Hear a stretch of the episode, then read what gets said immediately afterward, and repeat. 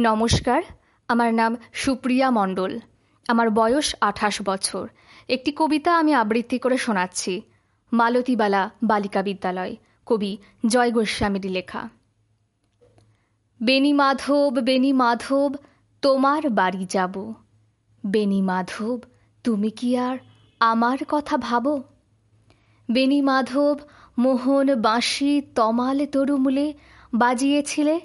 আমি তখন মালতী স্কুলে। ডেস্কে বসে অঙ্ক করি ছোট্ট ক্লাস ঘর। বাইরে দিদিমণির পাশে দিদিমণির বর। আমি তখন নবম শ্রেণি, আমি তখন শাড়ি আলাপ হলো বেনি মাধব, সুলেখাদের বাড়ি। বেনি মাধব বেনি মাধব লেখাপড়াই ভালো। শহর থেকে বেড়াতে এলে আমার রং কালো। তোমায় দেখে এক দৌড়ে পালিয়ে গেছি ঘরে। বেনি মাধব আমার বাবা দোকানে কাজ করে। কুঞ্জে অলি গুঞ্জে তবু ফুটেছে মঞ্জরি। সন্ধেবেলা পড়তে বসে অঙ্কে ভুল করি। আমি তখন নবম শ্রেণি, আমি তখন ষোলো। ব্রিজের ধারে বেনি মাধব লুকিয়ে দেখা হলো। বেনি মাধব বেনি মাধব এত দিনের পরে সত্যি বলো, সেসব কথা এখনও মনে পড়ে?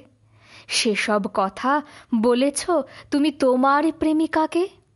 আমি কেবল একটি দিন তোমার পাশে তাকে দেখেছিলাম আলোর নিচে অপুর বসে আলো। স্বীকার করি, দুজনকেই মানিয়েছিল ভালো। জড়িয়ে দিল চোখ আমার, পুড়িয়ে দিল চোখ।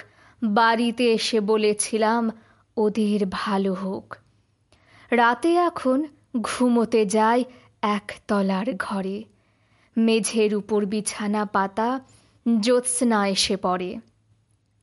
আমার পরে জীবন ছিল চোরা পথের বাঁকে মিলিয়ে গেছে। জানি না আজ কার সঙ্গে থাকে।